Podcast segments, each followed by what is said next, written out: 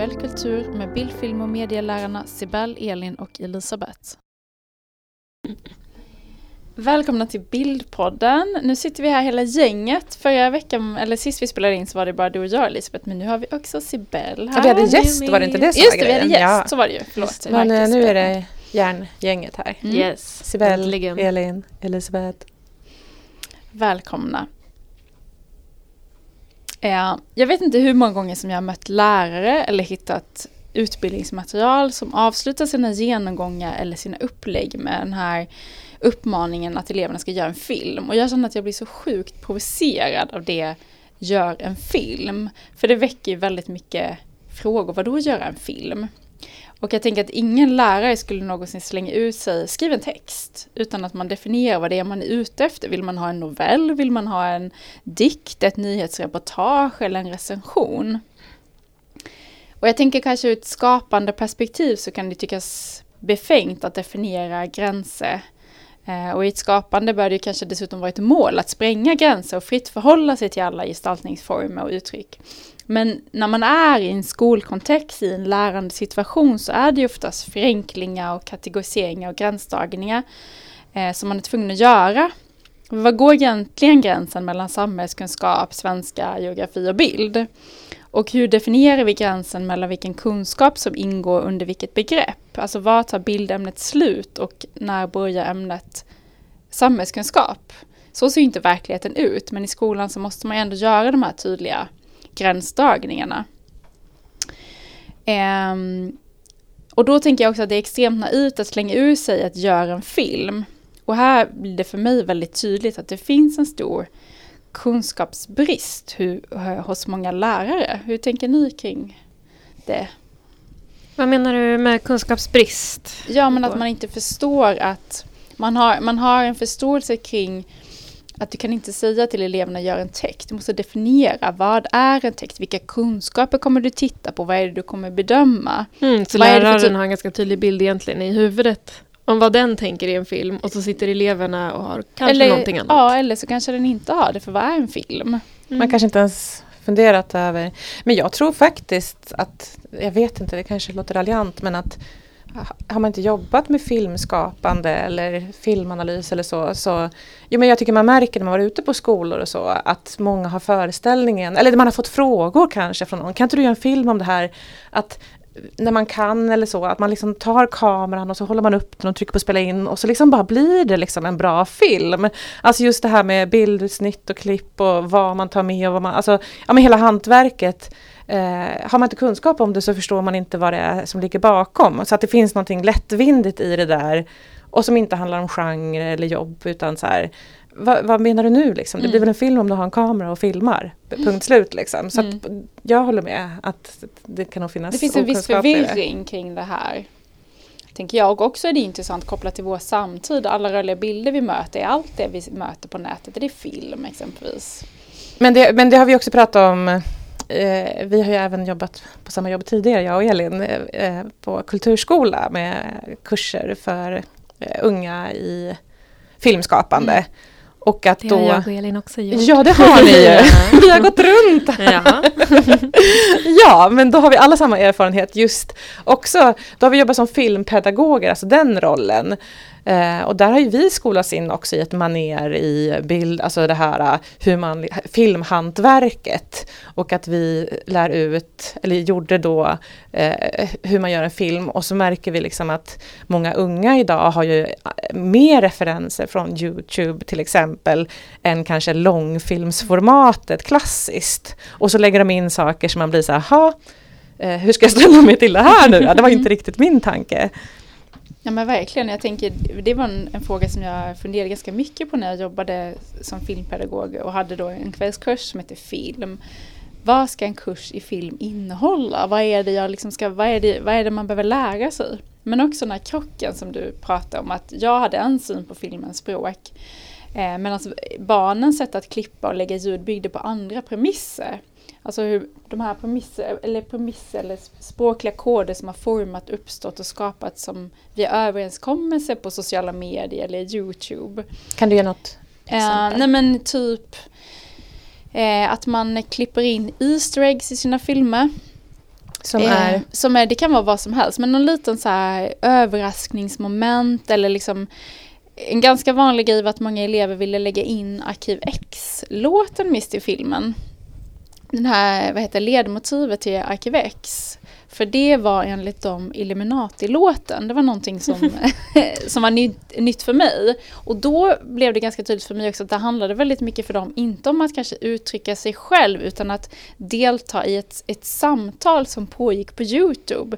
Att man ville liksom prata med andra. Och den har i sin tur tagit sig tillbaka till biografen kan jag bara flika in. Senast jag var på bio och såg For it Sean, Farmageddon, Så var- så är Arkiv X-låten är med som en i slump? referens. Nej, utan jag tror att då har de, plockat tillbaka det liksom i det här sammanhanget för att det pågår. Liksom, i, Precis, så att de här nya språkliga koderna på nätet har också flyttats in i liksom biofilmen eller tv-serier. Det är intressant tänker jag att liksom Youtube verkligen har gjort ett, bidragit till en stor förändring i den rörliga bilden.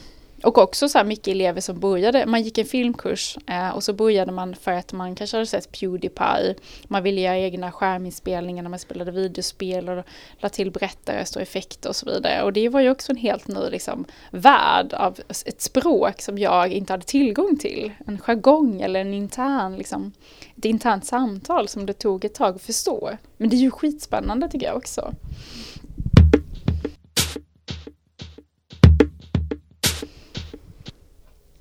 Och just det här med eh, tekniken är väl också det man ser nu kanske. Alltså dels att eh, man kan vara sin egen publicist såklart. Men också det gör ju att de här gränserna för vad film är och inte är blir ju mer och mer svårdefinierade. Eh, jag tänker att, eller jag har funderat också på det, eller det är ju, det är ju jättespännande vad som har hänt med rörlig bild de senaste åren och man måste väl ändå säga att när mobil mobilkameran kom så hände det ju en ganska stor skillnad, eller hur? Smarta Eh, telefoner. Ja, det- men precis. Möjligheten att filma fanns ju plötsligt hos alla. Och sen tänker jag också att apparna har ju allt eftersom utvecklats också att hantera rörliga bilder. När Facebook kom då kunde man inte ladda upp videos och inte på Instagram heller från början.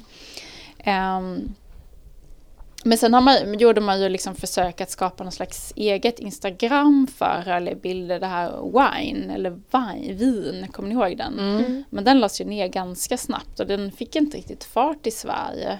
Nej men nu är, tycker jag nästan att det finns en retrorörelse Ja. kring Vine. Ja. Att folk är nästan lite nostalgiska kring det och lägger upp det då eh, roligt nog i sådana kanaler som finns kvar. Alltså Jag ser ganska mycket så här gamla Vine-videos på Instagram till exempel. Det är ju lite spännande. Mm, de överlever. Men eller hur? Jag tänker så- Kackerlackor.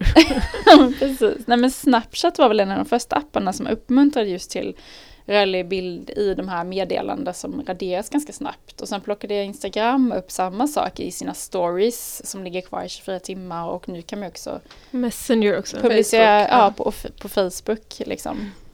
Men jag tänker också att det är intressant hur rörlig bild och stillbild har närmat sig varandra och gränsen mellan de här två uttrycksmedlen är inte längre lika tydlig.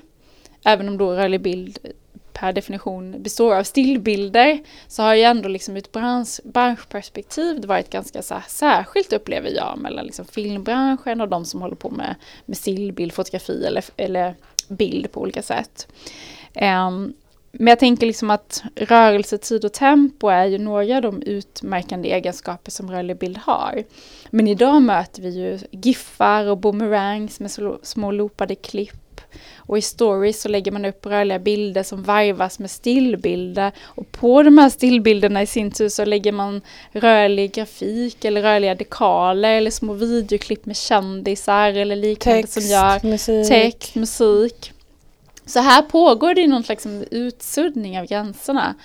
Men också de här tänker jag som man ser ganska ofta, eh, den, här, den här typen av selfies där man vänder, man håller egentligen kameran ganska still och vänder den mot sig själv och så har man någon slags kattansikte eller någon liksom hjärtan och Skimmer. skimmer. Och så bara, så är det allt det är och så publicerar man det på Instagram exempelvis. Eh, men jag tänker också att det här med att tidsaspekten, att man inte kan publicera långa, långa klipp på Youtube. Eller, eller på Youtube kan du det, men på Instagram och så vidare. Eller på Facebook. Du kan inte publicera ett två timmar långt klipp där, för ingen kommer titta, utan att man har liksom Ja, men viss forskning visar väl att ungefär 30 sekunder till en minut är det som är liksom det ultimata sättet att publicera något på Facebook. Jag tror till och med att det finns en inbyggd gräns vid en minut. Så att om du har ett klipp under en minut så kommer det automatiskt starta. 29 sekunder, 29 sekunder tror jag. Ja. ja. Då kommer det automatiskt spelas upp. Och att de här inbyggda begränsningarna kommer ju såklart också påverka innehåll och uttryck i de liksom nya typer av rörlig bild som sprids. Så det är ju så här, Och det är ju samma som det har varit på, på mm. Youtube hela tiden tänker jag. Att det, det är ju väldigt, alltså det ligger ju allt möjligt på Youtube. Men att man ändå någonstans skulle kunna prata lite om ett Youtube-språk. Jag tror att folk fattar lite. Mm. Och det är ju just det här, där kan man ju lägga upp mer än 29 sekunder såklart. Men att det är så oerhört krävande att, att mm. någon ska stanna kvar och inte klicka sig vidare. Så att man med gester, klipp blixtrar, alltså allt, allt det där är ju liksom mm. hålla tempot uppe för att jag ska liksom hållas kvar. Eh, så det, ja, det hänger väldigt tätt ihop liksom användandet eller och språket plattformen. Har utvecklats. Eller, ja. Och platsen ganska mycket också. Det smittar såklart av sig. Eh, jag vet inte om ni kommer ihåg, det var inte så länge sedan men eh, Första gången jag såg rörlig bild i tunnelbanan till exempel och på reklamskyltar och så. Jag tror det var någon så reklam för en film och jag blev så, så här chockad ja, och illa till mods. Ja, jag tror det var någon så äventyrsfilm eller någonting och och bara chocken över att den faktiskt rörde sig. Ja. Och jag tänkte bara, gud det här är ju så, det här är ju, lär ju funka jättebra för, för ja. reklamsammanhang. Ja. Och där är det så ja. gjort för folk som ska liksom vara på väg någonstans, att man liksom visar någonting i typ tre sekunder man på loop. Liksom. Mm. Att så fort det rör sig så reagerar vi. Ja, men jag fick den här Harry Potter-känsla, alltså just det här, de här tavlorna som eh, porträtt på väggarna och så rör de på sig. Att, att det var liksom, va? Som alltså, de här målningarna med Harry Potter? Ja, mm. alltså en affisch som plötsligt rör sig. Att det var så här uh, overkligt liksom, när man inte var beredd på det. Ja, jag, jag minns också just bara, när första gången jag såg det. Och likadant med i, i uh, alltså en smarta telefon, den här, vad heter det här? Uh, inställningen i kameran, att man, mm. att man som blir det som en kortfilm, att håller du inne på en live, stillbild. Eh, ja, live ja. Eh, mode liksom. Så att du, du tar ett kort men du får det tre sekunder för och tre sekunder efter. Nej, inte så långt. Men ja, man får några mm. sekunder före och efter. Det var också en sån, jag kollade på någon kompis bilder och så plötsligt rörde de sig. Jag bara, vad händer här? Mm. Så precis det här att, att det börjar suddas ut också från stillbild mm. och rörlig bild. Mm. Rörlig bild och vad man menar när man säger film. Eh, genremässigt så kräver nog lite mer problematisering för annars vet vi inte vad, som, vad vi syftar på och vad som pågår riktigt kanske. Men också bildspel tänker jag, en vanlig typ på Facebook. Att det är, man kanske har lite rörlig grafik eh, och sen bilder som presenteras på rad efter varandra. Kanske en berättarröst och musik. Som också i skolsammanhang skulle kallas film. Ja, är det, det är en film, liksom, ett bildspel mm. eller en powerpoint med en röst mm. och musik? Är det är det en film? Alltså... Det där dilemmat stod jag också inför när jag undervisade ja, för några år sedan, eller förra året egentligen. Eh, men just att vi skulle göra bildspel. Men jag tyckte att det var smidigare att använda ett filmredigeringsprogram. Och då var det så här, men det här är ju inte bildspel, det är film. Och det var, det var så yes. intressant just över att det bara var redigeringsprogrammet. Produktionen blev in... samma med redigeringsprogrammet. Ja, för vi ville ha in stillbilder liksom. Eh, med berättarröst. Och tidigare hade de gjort det i kanske typ powerpoint mm. eller något sånt där. Och då var det plötsligt, men vi gör ju film. Intressant. Och det tyckte jag var lärorikt att jaha, ja, jag vill det. Det var spännande.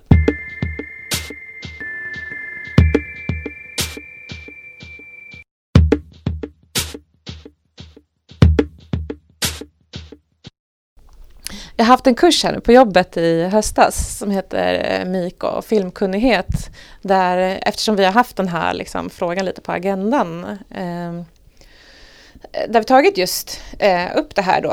Eh, för det är du Elin som började drifta det här med vad är film och jag bara, då var jag spontant så här, ja det är väl film. Men att det verkligen ju mer man tänker på det eh, tål att problematiseras. Och tänker man just på eh, ordet film så finns det, alltså det finns ju overheadfilm, alltså det finns ju massa olika sorts filmer.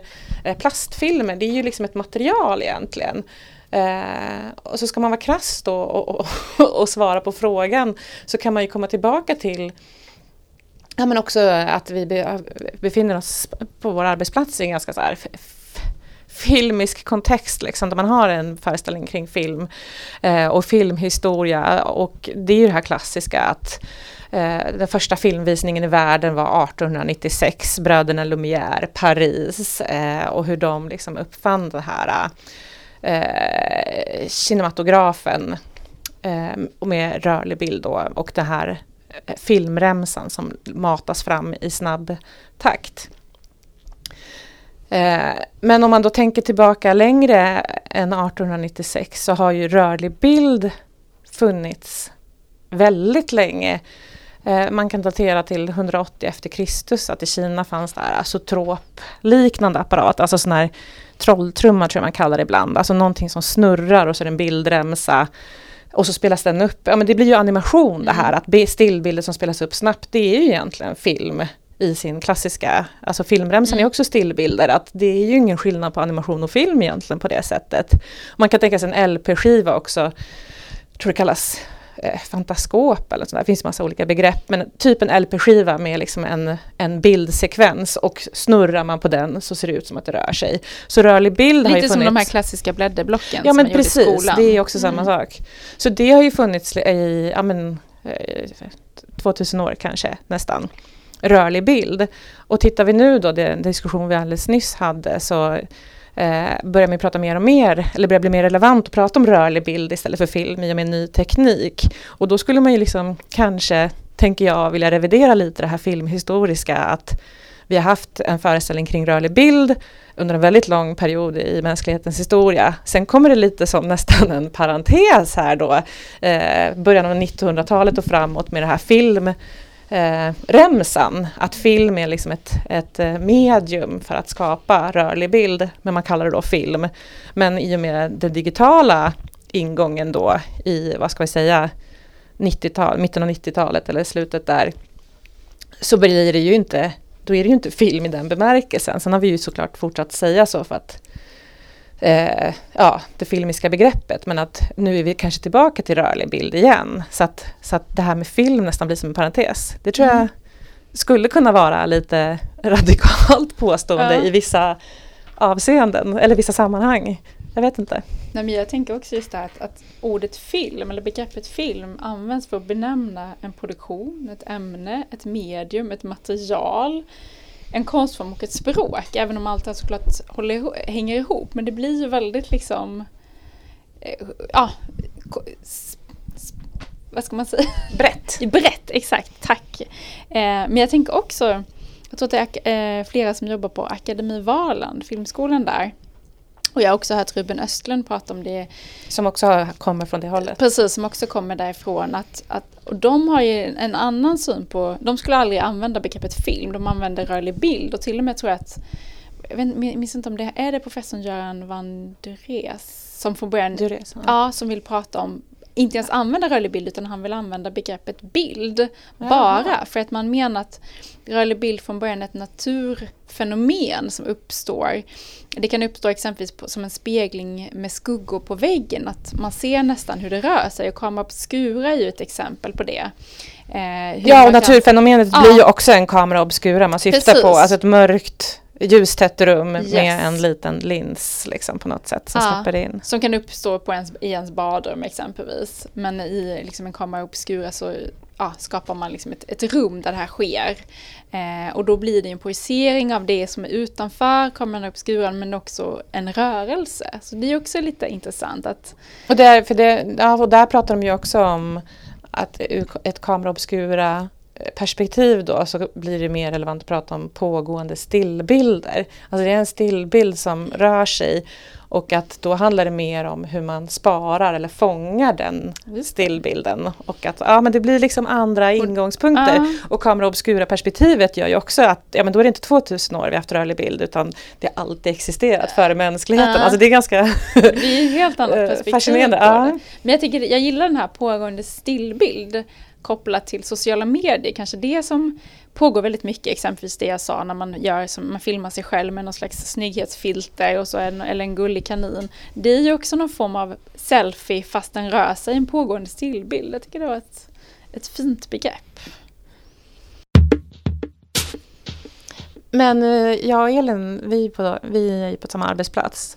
Och här har vi ju Eh, det är, ju, det är ju gamla AV med Mediacentralen, alltså hur man har skeppat ut liksom film, VHS och DVD till skolor och liksom distribuerat film och den biten. Liksom. Och sen är, har ju vi en filmpedagogisk roll där vi liksom, eh, går åt lite fler håll kanske. Men att eh, jag tänker just det här eh, diskussionen kring film och rörlig bild att det problematiseras inte så mycket att det är självklart vad film är och, och film tänker jag då, för det självklara är att det är långfilmsformatet som är ganska så här om man ska vara krass, ganska klassiskt styrt, alltså hela det här dramaturgiska kurvan med anslag och ja, men skådespelare, sceneri, alltså nästan att det är som ett hantverk liksom, att är man duktig på det här så blir det en bra film. Och också det här kommersiella sammanhanget, att man vill ha publik och titta siffror och hela den biten. Och då kan det nästan bli konstigt att bara, vad är film? Som att man har liksom missat alltihop. Um, så att det känns som att det blir tydligt också från vilket håll man kommer, liksom vilket kunskapshåll. Vi är ju alla liksom, bildlärarbotten eller medialärare och då blir det naturligt att vi pratar på det här sättet eh, på ganska bred front. Um, och jag tror att man behöver göra det idag som det ser ut. Det går ju inte att liksom, man behöver öppna upp film och filmkunnighet. Annars missar liksom. man vad som pågår ja. idag och liksom just och vad, vad yngre generationer har för mm. referenser. För att det är, ju, det är ju folk som aldrig varit, eller unga som aldrig varit på biograf överhuvudtaget och långfilmer kanske man ser ibland men det är nog inte det främsta man ser. Nej, det var inte därför idag. de sökte sig till kan jag säga, Kulturskolan Nej. på filmkurs på grund av att de älskade långfilm utan det var ju för att de eh, älskade, de ville starta vloggar, de ville göra, som jag sa innan, Pewdiepie-film, man ville liksom, man ville ha en YouTube-kanal. Alltså det var ju en helt annan ingång till varför man valde att gå på filmkurs. Och det behöver man ju verkligen ha med sig tänker jag. Sen vill man ju såklart lära dem också så klassiska, ja men filmens språk och hur kan du liksom jobba vidare och så. Men, men, men veta också just att ja. det är olika delar och vad man ber om och vad man kan Ja men verkligen. Ja. Och också plocka in de här referenserna. För jag tror att, ja men du gav ju ett väldigt tydligt exempel där på Farmageddon. För jag tror att vi kommer få se det ännu mer. Hur man liksom plockar referenser och inspiration från YouTube och så vidare in i långfilmen. Jag tror att det kommer liksom lyckas upp ännu mer. Men Sibel, jag tänker, du är ju på en annan sorts arbetsplats. Mm. Um, om du, eller jag vet inte om du har ställt frågan, men om du skulle ställa frågan vad är film till dina kollegor. Mm. Hur skulle du, vad tror du att du vad skulle du kunna tänka dig att du får för svar eller reaktion? Ja, alltså jag ser ju det här från, från ett lite annat håll liksom. Och att man pratar inte alltid så ofta om film, kanske utan snarare om video, videokonst, konstfilm och så vidare. Och just inom konsten så För du jobbar på en konsthall? Ja, bra att du säger det. Ja. Tack. eh, och där ställs man in för lite andra kan vi säga, problem eller liksom frågeställningar det som blir tydligt är ju att det är en jättestor skillnad mellan eh, ska man säga, kommersiell film och eh, videokonst till exempel. Det handlar ju mycket om att kommersiell film måste nästan vara, följa de här ramarna som kanske många filmlärare också lär ut kring att man har en eh, dramaturgisk kurva, eh, det, någonting ska hända före något annat och så vidare. Eh, man bygger upp en intrig eller handling och så vidare. Själva handlingen blir ju väldigt viktig i den kommersiella filmen. Eh, och där, i den kommersiella filmen också, där har man ju alltid lyxen också att folk faktiskt sitter kvar. Alltså tänker vi bio, för jag tycker att just hur människor rör sig är lite så viktigt i det här. Att tänker man en bio, då har man köpt en biljett och sen sitter man där. Någon kanske går på toa och det blir ju lite stelt. Eller eh, extra popcorn. Eller köper extra popcorn. Men det är nästan liksom förbjudet för att bioritualen handlar väldigt mycket om att sitta still i en stol. När jag såg Farmageddon så var det dels ett barn som trillade ner från stolen och började gråta så det blev kaos. Och så var det ett barn som inte klarade av och var tvungen att smyga iväg och ut med sin mamma precis i för att det blev för långt. Men, eh, men eh, om man är lite äldre så brukar man ju verkligen sitta kvar. Precis, egentligen är det jätteunikt kan jag känna så i, i den här samtiden att det finns någonting sånt. Ehm, så det gör ju på sätt och vis hur liksom, den filmen ser ut också. Man kan göra långa filmer, eh, långfilmer blir ju längre och längre.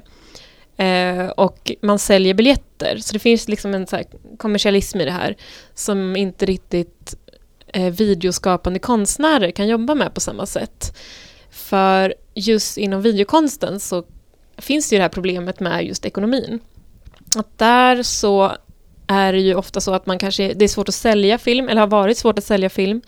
Ehm, just det här kring autenticiteten och äkthetsbevis och sådär är ju lite klurigt. Eh, enda beviset man har egentligen om man faktiskt köper in en film är det certifikat man får då från, från konstnären om att ja, det här, den här filmen har, gjorts, har jag gjort. Men sen så kan det är svårt att se till att det inte sprids och sådär. Eh, så film är ju demokratiskt då, men folk som vill äga, samlare, eh, blir det lite svårare för. Men det där öppnas upp mer och mer också i och med att eh, konstmuseer och konsthallar köper in mer film. Och eh, vissa som till exempel Julia Storsek i Tyskland har liksom köpt in massvis med film och har gallerier för det och så. Eh, sen så blir det en yngre konstsamlarmarknad också i Asien, är ungefär 40 procent tror jag, eller nej, ja men en majoritet är under 40 år, det var så jag menade. Eh, och är lite mer öppna för att just köpa in film. Men det är också svårare att visa upp på sätt och vis än en målning till exempel om man säger så. Och ett annat problem som konstfilmen möter det är just det här med längden. Det känns som att vi har pratat väldigt mycket om tid nu och så och någonting som jag märker ganska mycket på konsthallen där jag jobbar också är att dels så går filmerna på repeat. Eh, de går i loopar liksom. Så att på något vis så bygg... det blir liksom som att då tänker man att man inte behöver se hela filmen. Man kan se den sen igen. Man kan gå in och kolla lite grann. Men nästan som att eh, bara att man visar någonting på repeat betyder att ja, men det är inte så viktigt för det finns inte nödvändigtvis ett, en början och ett slut. Men det finns ju däremot konstfilmare som gör allt från ganska lite mer traditionella filmer som till exempel Sharon Lockhart som hon har liksom lite av en dramaturgi och gör nästan så dokumentäraktiga filmer. Och sen så finns det folk som tolkar film mer som, ja men man kanske jobbar med AI eller VR och så vidare. Att film blir någonting helt annat. Eh, och koppla tillbaka till det här med väldigt mycket med sociala medier också. Så ja, det är ganska så superbrett. Jag vet inte, man kan nog inte riktigt säga vad, vad konstfilm är. Eh, men det som blir spännande är ju att det blir i en museikontext eller en konsthallskontext. Och ja, några tycker till och med att då konstfilmen är, en kritik är att konstfilmen är lite trist så, för att vi spenderar väldigt mycket tid på skärmar som det är. Att hela poängen med skärmar är att liksom avskärma sig från verkligheten. Och att gå in i en konsthall för att titta på en film av verkligheten är liksom någonting ytterligare bidragande till att vi inte eh, ser oss omkring, eller hur man ska säga, att vi liksom bara får mer får mer skärmtid. Och samtidigt så blir det också ja, helt enkelt lite lättare för, för konstpubliken att ta till sig eftersom vi redan är så skärmbaserade i, i våra liv som det är. Får jag berätta om ett eh, videoverk från Venedigbiennalen som jag kommer att tänka på? Ja, ja du får. Tack. Det häftigaste på hela, alltså Venedigbiennalen är ju en av de största biennalerna i världen för samtida konst och inte alla länder, men väldigt många länder har ju en egen paviljong då. Det är, ja, det är en stor utställnings, eh, två utställningsområden och sen är de här eh, paviljongerna. Och det här var Frankrikes paviljong med videoverket Deep Sea Blue Surrounding You. Eh, som, som var liksom en snackis redan innan jag kom till Italien. Att, få, alltså det här, att det stack ut, liksom, att det var väldigt populärt. Och då hade de gjort hela paviljongen, alltså hela huset som, alltså man slussades in i, i alltså några i taget, det var ju kö. Och sen går jag med en trång gång. Och det här var liksom insidan av en bläckfisk. Så man kom in i ett rum som är så mjukt och vadderat och lite så här skevt. Eh, med så här ljusreflektioner. Ja, det, på något sätt skulle det vara det i alla fall. Eh, och filmen var kanske en kvart lång, så ganska lång. Och jag kan inte riktigt beskriva den men det var som en upplevelse. Man börjar i vattnet och, och rör sig i en färd. Eh, men just att det var ganska lång eh, och det här med skärmar och allt det där, att det här blev liksom mer en upplevelse, att man var bläckfisken men man var också inuti den. Och att det var, det var inget kort format så att man liksom, man var ju där men man ville inte gå därifrån. Eh, men det var oerhört mycket klipp utan att det kändes hetsigt. Alltså varje klipp kanske visades en till tre sekunder. Och sen var det ganska långa klippövergångar som kunde vara svarta, alltså som ett öga som stängdes. Och mycket så här eh, kroppsligt, alltså andetag och upplevelse och fragmentariskt. Så att det går nästan inte att berätta vad jag såg. Men eh, jag har ändå jobbat med film i många år och sett mycket.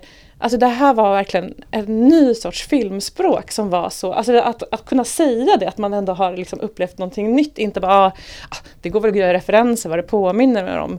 Men om vi pratar om Youtube och allt möjligt så var ju det här liksom, det var ett tempo i det som gjorde att så här, när jag är inte klar, eller liksom, jag har inte, jag trött, annars väldigt ofta tröttnar man ju går ut. Men här var det hela tiden liksom ett framåtrörelse och ett tempo utan att det var hetsigt och samtidigt var det vilsamt och en upplevelse att jag både var inuti den här kroppen och var den här kroppen i rörelse. Oerhört fascinerande hur, hur man kunde använda rörlig bild tänker jag och att det var inte bara jag utan det var verkligen liksom en kö och en snackis att det här var någonting liksom utöver det vanliga. Jag tänker på att det var ett ganska intressant exempel på hur man kan förhålla sig då till rörlig bild och just fånga tittarna. För det är ju, rörlig bild har ju alltid en tidsaspekt. Och det är ju tid som är våran bristvara idag och uppmärksamhet, särskilt på en biennal där det finns så oerhört mycket, så blir man ju väldigt lätt så här, nej jag måste gå vidare, jag vill se så mycket som möjligt. Och att lyckas fånga betraktarna då. Men det här ju... tror jag faktiskt ganska, börjar bli ganska stort inom konstfilm, att man liksom inte längre vill att man rör sig bort från den här tanken om att eh, ska vi visa en film så kanske det ska vara ett svart rum och att det ska vara så lite sinnesintryck som möjligt förutom filmen. Jag tror att det håller på att bli tvärtom, att man tänker mycket kring arkitekturen, Helhet scenografi. och upplevelse. Precis, just för att röra sig bort från att vi... Ja, Pippi tycker jag är tydligt. Ja, jag tänkte också på Pippi Lotterist. Ja, såg hennes utställning i sommar. Mm. Ja, när du pratade så tänkte jag på ett specifikt verk som var väldigt populärt när man låg i sängar och tittade uppåt i organiska skärmar. Som man var som att man befann sig, man låg och tittade uppåt som att man befann sig under vattenytan. Hon hade utställning i Köpenhamn. Eh, Louisiana, ah. precis, som var väldigt stor. Men hon jobbar ju mycket så, precis som du beskriver, med, med hela scenografin och projiceringar och rörlig bild. Små saker i golvet, stora saker mm. i taket. Uh. Projiceringar på, en säng, på lakan. Ja, men det var liksom... Bryta ut den här ja. skärmen liksom, att det inte är det här stiffa... Nej, att det blir en förlängning av, alltså nästan att det blir som en extra berättelse i en verklighet som man nästan befinner sig i. Jag läste någonting om någon nagelsalong som någon hade byggt upp också, så projicerade på en vägg där. Och att man liksom, man får nästan bakgrundshistorien av att titta och betrakta och liksom se vart, ja men att nu befinner jag mig här, okej, det här blir min för förståelse kring, kring någonting, kring den här, det jag ska se nu. Men jag vet inte riktigt vad. Men det gör Narrativet byggs ut i den fysiska miljön kanske? Ja, precis. Mm. För att röra sig bort från att liksom det bara ska vara skärm. Start, slut, skärm. Precis. Men jag, läste, jag tänkte apropå det här med benämningar och så, så läste jag någon gallerist som hade som, som också tyckte att det var svårt med benämningar om är det film, är det rörlig bild och så vidare. Och hon hade bara börjat kalla det för eh, time-based media. Att det är bara mm. tid som är, ja, är någonting som öppet. förklarar vad det här är mm. för någonting. Att det är tiden ja, det, handlar det är det man gör någonstans med film, man fångar tid och sen återskapar man den tiden. Mm. Eh, både tiden som har passerat, alltså den man har fångat från ur verkligheten, men också tiden, filmens längd som i tidsaspekt. Så det är som två lager tid på något sätt. Precis, många använder ju bara arkivmaterial också och sätter ihop liksom, och då blir det ju en dubbel tidsaspekt där man då använder någonting som har liksom försiggått för en viss tid sedan och att stillbilderna i kombination börjar berätta någonting. En del, jag tänker på Imanissa till exempel som eh, har en film med olika klipp från små, små motståndsrörelser kan man säga, olika stillbilder som hon har klippt ihop och har berättarröst över där hon gör nästan som en bildanalys som man då får lyssna på medan man tittar på de här filmerna. Eh, och det blir ju liksom en slags dåtid men också en, eh, en tid då det här faktiskt klipps ihop och så vidare. Och där tänker jag att det, det är väl där den här autenticitets, äkthetsprincipen kommer in. Liksom, att ja, men det som gör det här till ett unikt verk är tid, helt enkelt.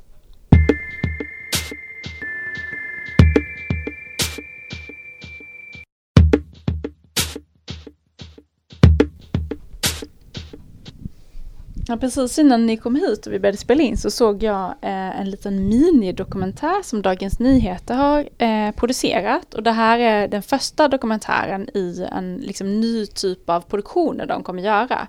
Så de kommer göra minidokumentärer som ligger på en tid mellan 10 och 15 minuter.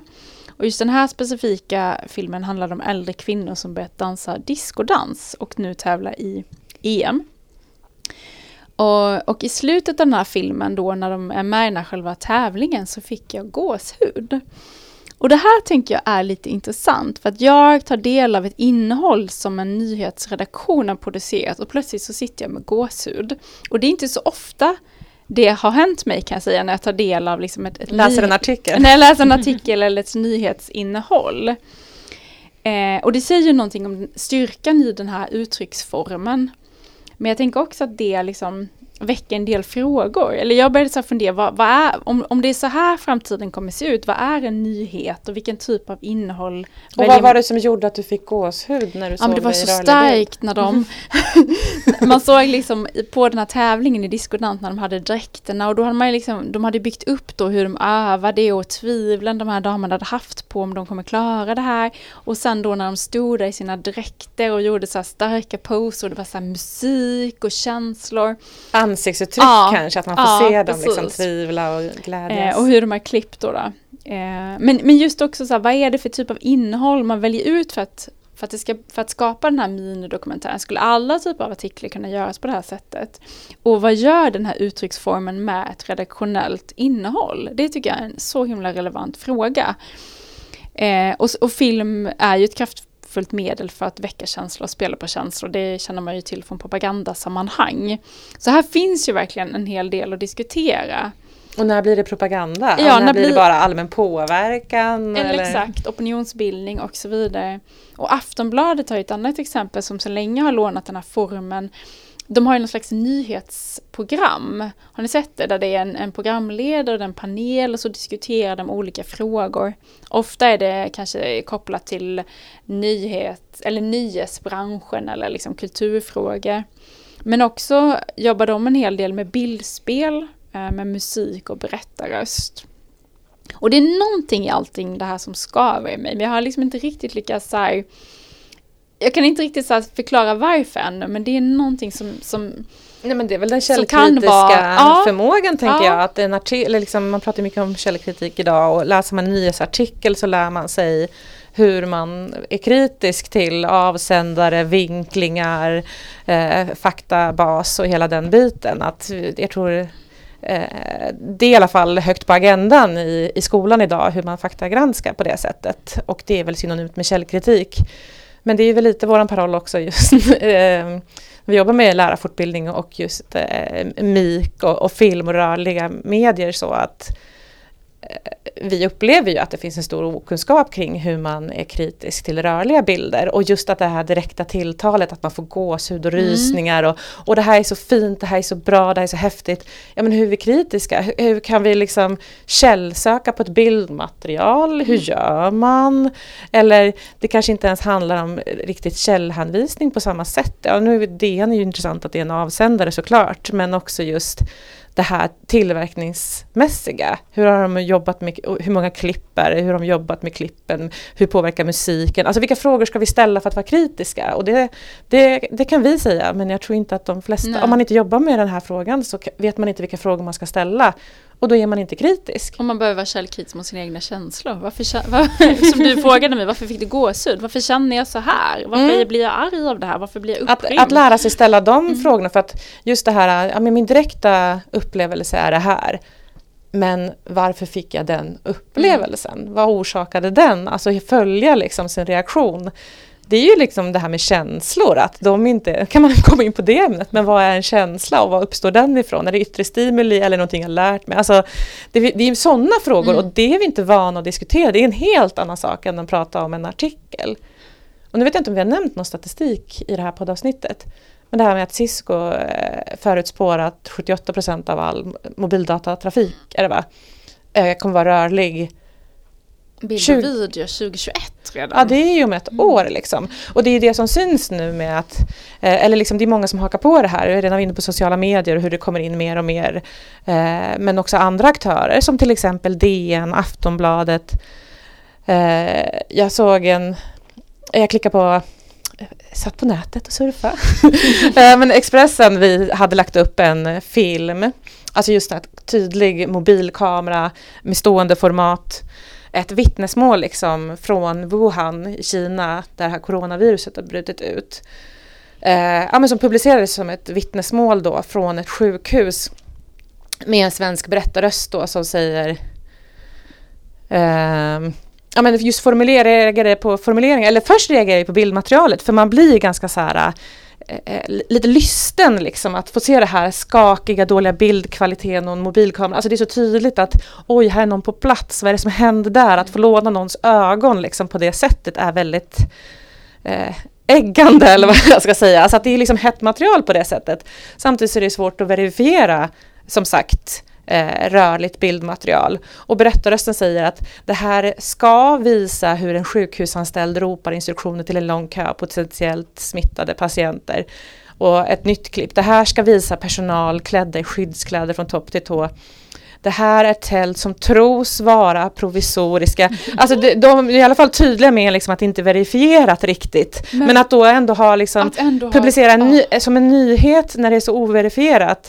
Eh, sen slutar det med att de säger det att Expressens partnerkanal CNN, har inte kunnat verifiera filmernas äkthet men de har analyserat bilderna och dialekterna i de som hörs prata och kommit fram till att det talar för att det är autentiskt bildmaterial. Så det är ju ändå att, eh, det det är någon slags verifiering att de har försökt göra och jag vet inte, det kanske, ja men just hur man då verifierar sådana här bildmaterial men att man inte Och syftet med att publicera det. Ja, men det är ju det att man ofta inte kan stå emot tror jag. För att det är ju hett det här, vilken nyhetskanal väljer vi att titta på? Ja, jag väljer nog den som har vittnesmål för det är ganska hett att få ta del av det här. Och då kan man inte stå emot även om det inte är verifierat. Att man börjar tumma lite på det och bara vi är tydliga. Eh, men man kanske inte bryr sig om de här formuleringarna och så sprids och klickas vidare. Eh, och just också filmer som sprids i sociala medier tappar ju liksom metadata och hänvisningar och blir ännu svårare även liksom för kunniga att kunna eh, källhänvisa och vara kritiska. Så att det här är ju verkligen det, jag tycker det, det är väl helt vettigt att du, du har en magkänsla av liksom, oro eller just att man bör liksom fundera.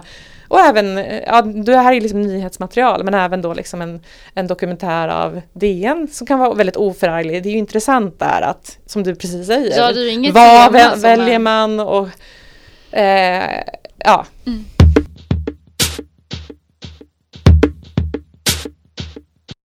Eh, Jag och Elin var ju på en konferens i måndags på Filmhuset vid Gärdet i Stockholm eh, som rörelsen arrangerar. De är på flera olika städer i landet eh, under rubriken Bildberättande, konsten att läsa bilder.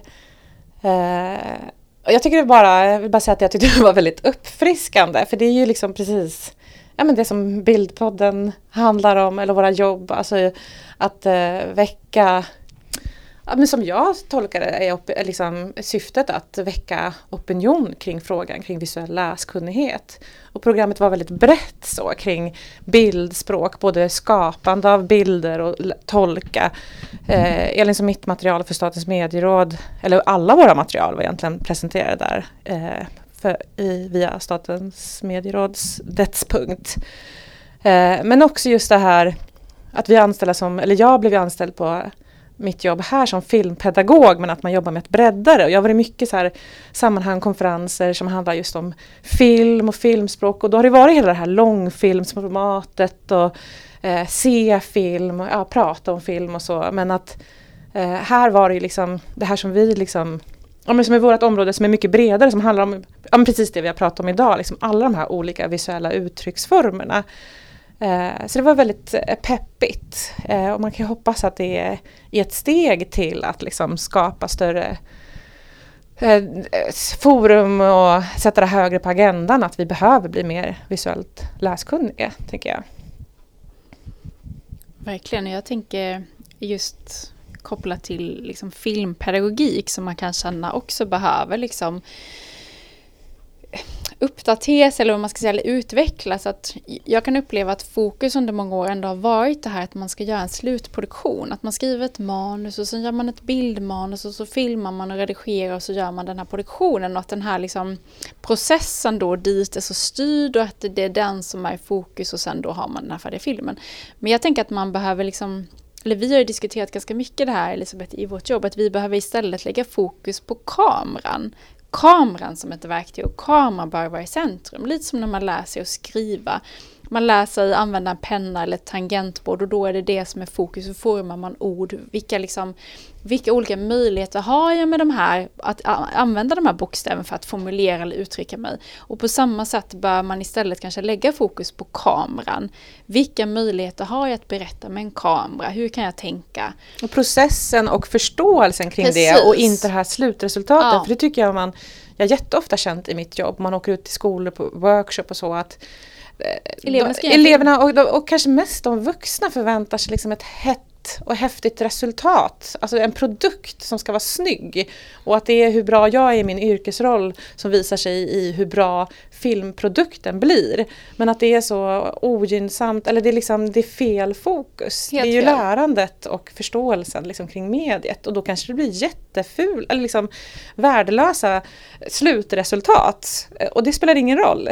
Så liksom, Nej, att man måste tänka om. Ja, och så ser ju alla språkliga processer ut när man läser. Jag menar, det är, min son håller på att läsa skriva. Jag, jag, jag ser knappt vad det står och det ser för jävligt ut tänkte jag säga. Men, men det är ju där det, är där det händer, det är ju där vi måste börja och det tänker jag är exakt samma sak när man ska lära sig filmens språk. Börja med kameran. Tack för en fin eh, sammanfattning Elin.